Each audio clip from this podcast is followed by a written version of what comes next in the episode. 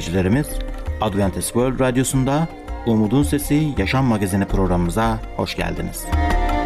Program yapımcınız ve sunucunuz olarak ben Volkan. Sizlerle sağlık, aile ve kutsal kitaptan konularla programımızı paylaşacağız.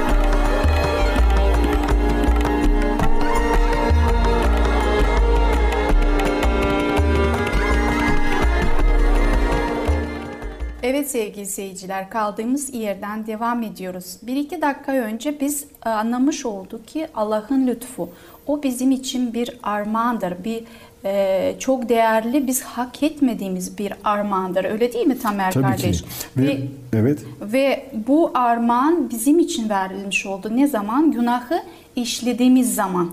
Evet. Ve bu günahı Allah kendisi e, işlediğimiz zaman kendisi geldi. Bizzat bizimle ilgilendi.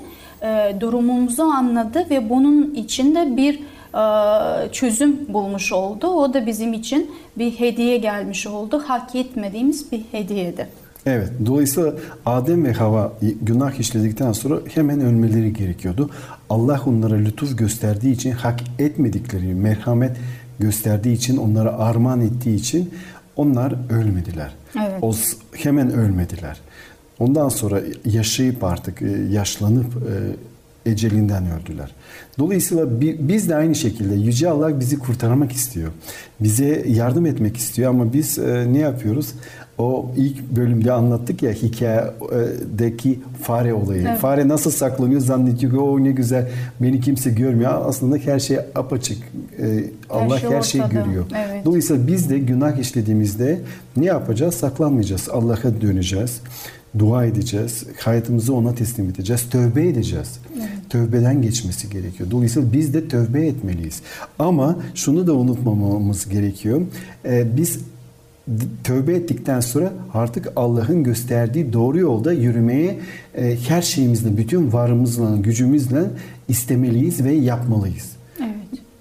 Nedir Zor o? olsa bile de, nedir evet. o? Allah'ın yasasına göre yaşamak Evet. değil mi? Allah bize on emirleri veriyor. Allah'ın yasası on emirlerde de görebiliriz tabii ki. Sadece orada değil birçok yerde de Allah'ın yasasını, emirlerini görebiliyoruz. Ama Allah'ın e, yasasına göre yaşamak bizi doğru yola e, götürür mü, eriştirir mi? Biz aklanabilir miyiz? Yani kendi gücümüzle Diyelim ki ben emirleri yerine hepsini getirdim. Allah'ın söylediği bütün emirleri buldum kutsal kitapta.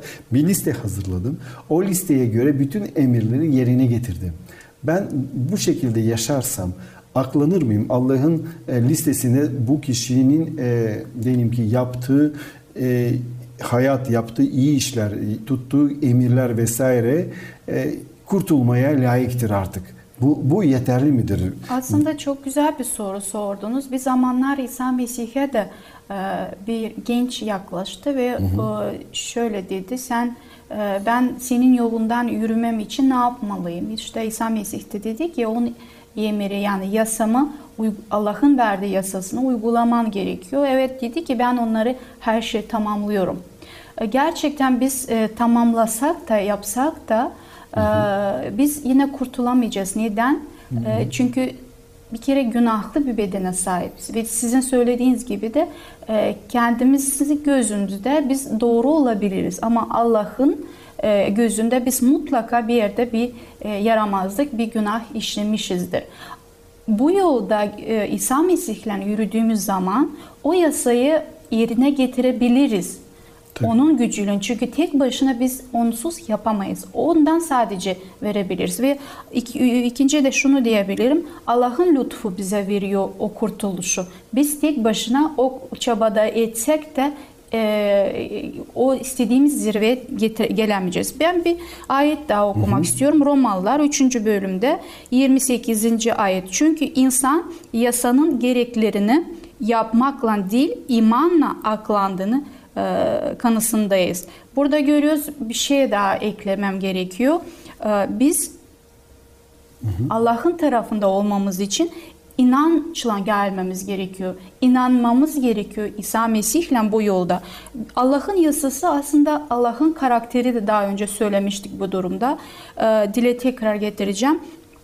Allah'ın yasasına biz baktığımız zaman aslında onun nasıl bir karakterini olduğunu görmüş oluyoruz ve e, bizlerde de o karakteri olmamızı çabasında olmamız yapmamız gerekiyor. Yani o zirveye onun karakterine benzer e, şekilde e, gayret etmemiz gerekiyor. Tabii. Yani tabii ki olmayabilir çünkü biz günah işledik ama e, Allah'a iman edecek olursa onu kendimize güven e, güveneceksek, teslim edecek isek kendimizi o zaman biz e, o zirveye, o istediğimiz noktaya ulaşabiliriz. Tek başımıza dediğimiz gibi yapamayacağız. İman bize e, yasaya karşı e, çıkma özgürlüğü veriyor mu? Evet ben Allah'a iman ediyorum, istediğimi yaparım düşüncesi olabilir. Ama kutsal kitap bunu onaylıyor mu? Sen Allah'a iman ediyorsan kurtulman için imanla kurtuluyorsun. Artık bir şey yapmana gerek yok. Allah'ın yasasını çiğneyebilirsin mi anlamına geliyor acaba? Evet. Hemen Romalılar kutsal kitaba bakalım. Romalılar 3. bölüm 31. ayet bize ne diyor? Romalılar 3 31. Evet. Öyleyse biz iman aracılığıyla kutsal yasayı geçersiz mi kılıyoruz diye soru soruyor. Evet. Hayır tam tersine yasayı doğruluyoruz. Demek ki biz imanla yasaya göre yaşıyoruz. Yani geçersiz kılmıyoruz. Yani biz yasaya Allah'ın on emirlerini, Allah'ın karakterini gösteren yasaya karşı çıkmıyoruz. Allah'a karşı çıkmıyoruz. Tam tersini bizim hayatımızla ne yapıyoruz? Biz öyle yaşıyoruz ki Allah'ın yasasına uyum şeklinde sağlamış oluyoruz. Evet. Demek ki kutsal, kutsal yasayı hiçbir şekilde biz Allah'a iman ediyoruz dediğimiz zaman kutsal yasayı biz e, bertaraf etmiyoruz. Ortadan kaldırmıyoruz. Biz evet. tam tersini gerçekten biz Allah'a iman ediyorsak o zaman sadece e, dinleyicileri olmayacağız. Sadece konuşmacıları olmayacağız. Biz pratik hayatımızda da Allah'ın e, karakterine uygun bir şekilde yaşayacağız. Allah'ın karakteri de onun yasasıdır. Evet. Demek ki Allah'ın yasasına göre yaşamış olacağız. Kutsal yasanın gerçek amacı biliyoruz ki e, onun karakterini göstermek ve bizim evet. de amacımız onun onun gibi olmak. Yüce Allah'ın bize gösterdiği örneğe göre benzemek, karakterimizi ona göre e, şekillendirmek. Zaten İsa Mesih de bu şekilde yaşayarak kendisi gösterdi değil mi? Evet. E, o bu dünyada e, gün, günahlı bir bedene sahipti ama günah işlemedi. Neden? Çünkü örnek aldı hep Allah'ın karakterini aynı şekilde olmaya e, çabaladı. Evet, dolayısıyla İsa Mesih'in hayatını incelersek İsa Mesih yüzde yüz bir insan olarak yaşadı. O da bizim gibi denenmelerden geçti. Şeytan onu ayartmaya çalıştı ama başaramadı. Neden? Çünkü İsa Mesih dua etti. İsa Mesih oruç tuttu. İsa Mesih Allah için çok zaman ayırdı.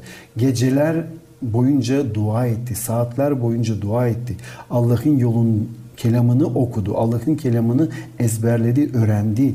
Dolayısıyla biz de İsa Mesih'in gösterdiği yoldan yürürsek, biz de duayla Yüce Rabbi'ye yaklaşırsak, biz de onun gösterdiği yoldan kelamını öğrenirsek, o kelama göre yaşamaya başlarsak, biz de o zaman demek ki kendi gücümüzle değil, Allah'ın ruhunun gücüyle, Allah'ın ruhu bize güçlendirir, bize e, yalnız bırakmaz bu yürüyüşte. İsa Mesih gidince ne dedi? Ben gidiyorum ama size bir tesirleyici göndereceğim. Allah'ın ruhunu göndereceğim. O size e, gösterecek, o size öğretecek. Nasıl yapmamız gerekiyor, nasıl konuşmamız gerekiyor, nasıl yürümemiz gerekiyor bu yolda. Evet. Dolayısıyla Allah'ın e, bu yoldaki yolu net değil mi? Evet, çok doğru söylediniz. Ve Romalılar e, e kitabından da okumak istiyorum, eklemek istiyorum. E, hı hı sizin söylediğinizde 6. bölümde 15. ayette şu sözlerle karşılaşıyoruz. O halde ne diyelim? Yasanın yönetiminde değil de Tanrı'nın lütfu altında olduğumuz için günah mı işleyeyim? Kesinlikle hayır. Şimdi evet. Pavlos zamanında e, kilis yani o toplum o toplumda bazı kişiler e, günahların günah sayılmadığını yani onlar artık lütfunun altında bulunduğunu düşünmekteydiler ve bundan dolayı onlar yasaya uygulamaya e, gerek olduğunu du- e, duymuyorlardı. Kutsal Burada, kitap bunu onaylıyor mu peki? Bir insan, bir insan eğer Allah'ın lütfunun altında yaşıyorsa istediği gibi günah işleyebilir, istediği gibi yaşayabilir. Öyle bir şey kutsal kitap bize öğretiyor mu? Hayır bunu söylemiyor. Maalesef insanlar kutsal kitabı iyi okumadıkları için, iyi araştırmadıkları için sadece 2000 yıl önce değil, yani İsa Mesih'ten e, öldükten sonra onun öğrencileri bu öğretişi yaymaya başladıklarında değil, görüyoruz ki asırlar boyunca böyle yalancı öğretişler yayan insanlar, kişiler çıkmıştır. Evet. Onlar bunu e, maalesef Yüce Allah'ın o merhametini, hak etmediğimiz merhametini, onun lütfunu çok yanlış bir şekilde insanlara açıklamışlardır, yorumlamışlardır. Yani sanki sen eğer lütuf altında yaş iyisen ve imanla yaşıyorsan istediğin gibi yaşa. İste yani o, öyle bir şey olabilir mi? Aslında insanlık maalesef dediğiniz gibi e, bir uçtan diğer uça geçmek istiyorlar. Yani şimdi e, bir onlar için e, yasa önemli olmayabilir. Artık e, Allah'ın lütfun altındayız. İsa Mesih bize bir lütuf verdi. Biz kendi İsa Mesih bizi affediyor ve bundan sonra biz rahat yaşayabiliriz. Evet. Ama aslında bu kendimizi yanıltıyoruz. Çünkü okuduğumuz gibi ayetlerde Allah şunu bizden bekliyor. Yasayı ve lütufu, yasayı baktığımız zaman Allah'ın karakterinde görüyoruz ki biz yanlışlıklar yapıyoruz ve kime geliyoruz? İsa Mesih'e geliyoruz. Ondan tövbe ediyoruz ve onun bizim günahlarımızı affetmemizi affetmesini istiyoruz. İsa Mesih ne diyor? Hey bütün yorgun olanlar, yükleri ağır olanlar bana, bana gelin. gelin diyor. Evet. Ben size rahat veririm. Evet. Dolayısıyla biz İsa Mesih'e bakarsak, ona doğru yürürsek, onun gösterdiği yoldan yürürsek o bize ruhunla güçlendirecek, meleklerini gönderecek, bize yardım edecek ve biz rahata kavuşacağız ama onun yardımıyla, kendi gücümüzle değil. Evet. Evet sevgili seyirciler, bugün sizlerle birlikte lütufu anlamış olduk. Lütuf niçin verildi, kimin için verildi ve şunu da anlamış olduk ki biz e, bir uçtan diğer uca geçmeyelim. Ama bu konumuz burada bitmiyor. Bir sonraki programda sizlerle buluşmak dileğiyle hoşça kalın, mutlu kalın. Adventist World Radyosu, Umutun Sesi, Yaşam Magazini programını dinliyorsunuz. Değerli dinleyicilerimiz, bizlere ulaşmak için e-posta adresimiz Umutun Sesi Radyosu et yahoo.com Umutun Sesi Radyosu et yahoo.com İsa Mesih, dul kadının gömülmek üzere olan tek oğlunu o gün acı çeken bu yaslı anneye geri vermişti. Bu anneye dokunan oydu. Mezardaki Lazar'ı Marta ve Meryem'in gömülmüş erkek kardeşini geri vererek şefkatle onların gözyaşlarını silen oydu. Kim Meryem'e bağışladı? Kim hacın üzerinde ıstırap içinde asılıyken annesini hatırladı? Kim gözyaşı döken kadınlara göründü ve ölümden dirilen bir kurtarıcının mutlu haberini ilk yayan bu kadınlara kim göründü? Onları kendisinin mesajcıları yaptı. O bugün de kadınların en iyi arkadaşı ve yaşam zorluklarında kendisine iman eden herkese yardım etmeye hazırdır. Hiçbir çalışma inanlı bir annenin yaptığı çalışmayla eş değer değildir. Çocuklarını yetiştirerek büyütmek için bütün çalışmalarını içten gelen hisleriyle yapar ve Rabbin tembihlerini dinler. Taşıyabileceğinden daha ağır yüklerle yüklendiğini hissedip daha sonra yaptıkları duayla kurtarıcılarına gelip duygularını paylaşanlar bu yüklerini onunla paylaşma ayrıcalığına sahiptir. Sıkıntılarını onun ayaklarına serenler kendilerini ayakta tutacak olan gücü onun yanında bulacaktır. Ve Mesih bu sıkıntılı anlarda onlara cesaret, bilgelik, umut ve neşe verecektir. Endişeyle bitkin düşmüş bir anne için onun bütün sıkıntılarını yüklenen böyle bir arkadaşı bilmesi ne kadar da iyidir. Eğer anneler daha sık Mesih'e gelirlerse ve bütün kalpleriyle ona güvenirlerse, onların yükleri hafiflemiş ve ruhları içerisinde de huzur bulacaklardır. Rab sizin dualarınızı işitir. Anne ve babalar çocuklarını eğitirken Rabbin yolunu izlerlerse bilmelidirler ki yüce bir yerden yardım alacaklardır. Onlar öğretirken ya da öğrenirken bu şekilde birçok kazanç sağlarlar. Onların çocukları bilgelik sayesinde zaferler kazanırlar. Bunu Rabbin yolunu izledikleri için kazanmış olurlar. Onların doğal ve kalıtımsal eğilimleri kötülüğün üstesinden gelmeye imkan verir. Cennetteki Rab ilginizli, ağırbaşlı gayretlerinizi ve sürekli dikkatli olmanızı ister. O dualarınızı işitir. Rab için sabırla ve şefkatle çocuklarınızı eğitin. Bütün cennet sizin çalışmalarınızla ilgilenmektedir. Rab sizinle birlikte olacak, böylece çabalarınız başarıyla sonuca ulaşacaktır. Siz kurtuluş gerçeğini sade bir şekilde anlatmaya çalışırken ve kişisel bir kurtarıcı olan Mesih'e çocuklarınızı yönlendirirken melekler sizin yanınızda olacaklardır. Rab Beytlehemli bebeğin bu değerli hikayesi içinde onların miniklerini ilgilendiren lütfu anne ve babalara verecektir. Onların bu önemli çalışmaları içerisinde anne ve babalar ilahi yardımı mutlaka istemeli ve almalıdır. Eğer anne babaların karakteri, alışkanlıkları ve yaşam şekilleri ikinci derecede kötü kalıplar içerisine atılmış olsa bile onlar umutsuzluğa kapılmamalıdırlar. Rabbin değiştirme gücü sayesinde miras olarak alınanları ve eğilimli oldukları yetiştirilme biçimlerini değiştirebilirler. Tekrar doğmanın anlamı bir dönüşümdür. İsa Mesih'te yeniden doğmaktır. Bu sözü öğretmek için çocuklarımıza bizler yol gösterelim. Eğer çağırırsanız Rab sizi cevaplayacaktır. Ve o buradayım, senin için ne yapmamı istersin diyecektir. Cennet ile dünya birbirine bağlanır. Her ruhun görevi yerine getirmesine imkan verir. Rab bu çocukları sever. Anladıkları yüce bir çağrıyla onları getirmek ister. Kutsal ruh yol gösterecektir. Evinde bir eğitmen olması için gücü ve inayeti verecek olan kutsal ruhun kontrolü altında olan her anne ve babayı her koşulda Mesih anlar. Evdeki bu eğitim ve disiplin gelen etkilere şekil ve biçim verecektir. İnsan gayreti ilahi gayret olmaksızın boştur. Ona güvenle bağlı oldukları zaman Rab güçlü bir şekilde çalışacak, anne babalar çocuklarına doğru bir eğitim vermek için çalışacaklar ve onların üzerine dayanan bu kutsal sorumluluk için uyanacaklardır. O, çocuklarının ve kendilerinin kurtuluşu için devamlı çalışan, çocuklarını dualarla ve dikkatlice eğiten böyle anne babalarla birlikte çalışacaktır. O zevkle kendi iyilikseverliği içinde onların istemlerini yerine getirmek için çalışacaktır.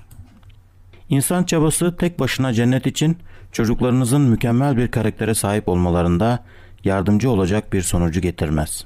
Ama kutsal çalışma ve yüce ilahi yardım sayesinde başarıyla tamamlanabilir. Mesih'in lütfuyla zenginleşen, sabırlı, sevgi dolu, imanlı hizmetkar gibi anne babalar onlara verilen görevi yapmalıdır. Onlardan beklenen imanlı olmalarıdır. İnanç işinde her şeyi tamamlamış olmalıdırlar. Mutlaka devamlı dua etmelilerdir. Böylece Rab onların çocuklarına lütfu verecektir. Görevlerini yerine getirirken onlar asla sabırsız ya da sinirli olmamalı ya da yaptığı işten bıkmamalıdır. Mutlaka onlar Rabbe ve çocuklarına sıkı sıkıya bağlı olmalıdırlar. Eğer anne babalar görevlerini sevgiyle ve sabırla yerine getiriyorlarsa, temizliğin ve alçak gönüllülüğün bu yüksek standardına ulaşmaları için çocuklarına yardım eden ağırbaşlı çabalarıyla onlar başarıya ulaşacaklardır. Adventist World Radyosu Umutun Sesi Yaşam Magazini programını dinliyorsunuz.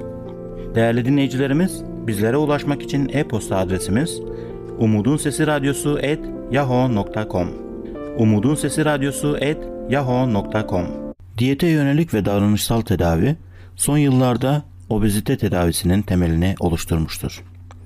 Ne yazık ki yalnızca kalori kısıtlaması genelde etkisiz olmaktadır.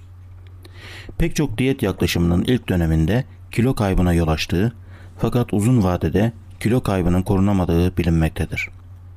Vücut kitle indeksi 30'un üzerindeki kişilerde çok düşük kalorili diyetlerin günlük 800 kalori uygulanması haftada 2 kilogram kayıp sağlayarak 4 ayda 20 kilo kaybedilmesini sağlayabilir.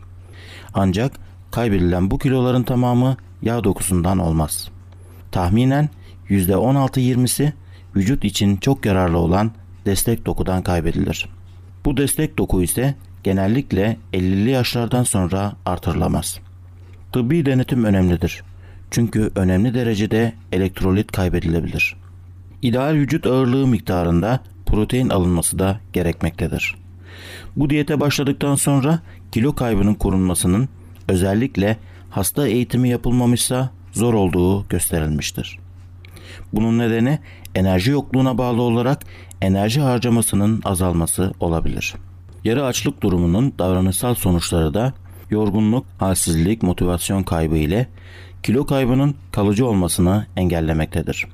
Böyle bir kalori kısıtlamasına pek çok insan hayat stresi içerisinde devam ettirmesi mümkün olmamaktadır. Daha iyi yapılandırılmış ve diyet ile egzersizi birleştiren ve davranışsal tedavi de uygulayan programlar daha başarılı olabilir. Fakat bu başarı bile tartışılmaktadır. Bu tür programlar 5-6 aylık süreler içerisinde 9-14 kilogram kayıp sağlayabilir ve başarısızlık %20-24 kadar düşük olmaktadır. Ortalama kilo kaybı çoğunlukla %9-10 olmuştur ve bir yıl sonra kilo düzeyinin korunma oranı %60 ila 80'dir. Çoğu katılımcı bu programları bıraktıktan sonra tekrar kilo alsa da 1-2 yıl sonunda alınan kilo sıklıkla ilk kilo kaybından daha az olmaktadır. En büyük sorun uzun dönemde hastanın izlenmesidir. 5 yıllık izlen verileri çok az olmakla birlikte mevcut veriler 3-5 yıl sonra %100 başarısızlık göstermektedir. Amerikan Milli Kilo Kontrol Kayıtlarından yapılan yakın tarihli bir çalışma kilo kaybını başarılı bir şekilde koruyabilen çok sayıda kişi bildirmektedir. Bu kişiler arasında gözlenen en sık özellikler haftalık 3000 kalorilik egzersiz ve düşük yağ içerikli diyettir. Bu özelliklerin gelecekte tasarlanacak kilo kayıp programlarına yol göstereceği ümit edilmektedir. Unutulmamalıdır ki genel sağlık ve yaşam süresine bu diyet programlarının etkisi bilinmemektedir. Ve bu diyet programlarına katılanlar 3-5 yıl takip edildiğinde kaybettikleri kilonun çoğunu geri almaktadır. Tedavide ilk seçenek kilo kaybı sağlayacak diyet ve karbonhidrat değişimlerinin sayılmasıdır. İlginç olarak çoğu klinik ve deneysel veri bu hastalıkta enerji kısıtlaması diyet uygulamasının kan şekerini azaltıcı etkisini kilo kaybı ve vücut bileşiminde azalma yoluyla yapmadığını göstermektedir. Kısa dönemde kalori kısıtlaması obez hastalarda hiperglisemi ve hiperlipidemiyi etkili bir şekilde azaltmaktadır ve vücut bileşimini çok az etkilemektedir. Tip 2 diyabette kilo kaybı Tip 2 diyabette kilo kaybı diyetlerine yanıtın çoğu ilk 2,5 kiloda meydana gelir. Kan şekeri kaybedilen 2-4 kilogram içerisinde olumlu etkilenmediyse daha fazla kilo kaybı ile etkilenmeyecektir. Diyabetli hastaların tedavisinde önemli bir noktadır. Nispeten uzun süreli kilo kaybı sağlayabilmiş olan bir diyet önerisi, toplam enerji miktarını değiştirmeden makro besin bileşiminde değişiklik yapılmasıdır. Daha az yağ içerecek şekilde gerçekleşmelidir. Prospektif çalışmalarda kilo kaybından farklı amaçlar ile diyetteki kolesterolü ve doymuş yağları azaltmak ve kanser riskini azaltmak gibi %25'ten az yağ içeren diyetlere geçen kişilerin ilk 2 ayda ortalama 2 ila 5 kilo kaybı yaşadıkları gösterilmiştir. Diyette yağ kısıtlamasının meme kanserine olan etkisinin araştırıldığı ve hemşirelerde yapılan geniş bir çalışmada kilo kaybı önerilmeden yalnızca düşük yağ tüketilmesi önerilen grupta ortalama 4 kilodan fazla kilo kaybı gözlenmiştir. Diğer düşük yağlı diyet çalışmaları da bu gözlemleri desteklemektedir. Uzun dönem etki ise daha azdır ve korunabilen kilo kaybı 1 ila 2 kilogram olmuştur. Bu yüksek karbonhidratlı diyetler ile kesinlikle kilo artışı olmamıştır. Özet olarak bu konudan alınması gereken mesaj, hiçbir diyetin tek başına uzun süreli kilo kaybı sağlamadığıdır. Egzersiz kilo kaybı için en etkili çözüm olabilir. Vücut ağırlığını azaltmaya yönelik programlara egzersiz mutlaka dahil edilmelidir. Enerji harcamasının ilginç fakat nispeten daha az anlaşılmış bir alanı istemsiz hareket yani kıpırdanma ile ilgilidir. Toplum içerisinde istemsiz motor aktivite açısından belirgin farklılıklar vardır ve bunun enerji harcamasına katkısı olmaktadır. Total enerji harcamasını hesaplamaya çalışan bazı çalışmalar 24 saatte harcanan enerji değerlerine ulaşamamışlardır. Bu fark zayıf ve obez gruplar arasında da değişmektedir. İstemsiz aktivitenin yarattığı enerji harcamasını hesaplamak zordur. Bunu etkileyen faktörler de davranışsal ve hormonal olarak belirsizdir. Yine de bu konu potansiyel olarak önemli ve genelde gözden kaçan bir alandır. Akut obezitenin cerrahi tedavisi bypass geliştirildiğinden beri bir seçenek olarak kullanılmaktadır. Değerli dinleyicilerimiz, bizlere ulaşmak için e-posta adresimiz umudun sesi radyosu at yahoo.com umudun sesi radyosu at yahoo.com Değerli dinleyicilerimiz, program yapımcınız ve sunucunuz ben Volkan. Sizlere mutlu günler diliyorum. Önümüzdeki programda tekrar buluşmak üzere. Hoşçakalın.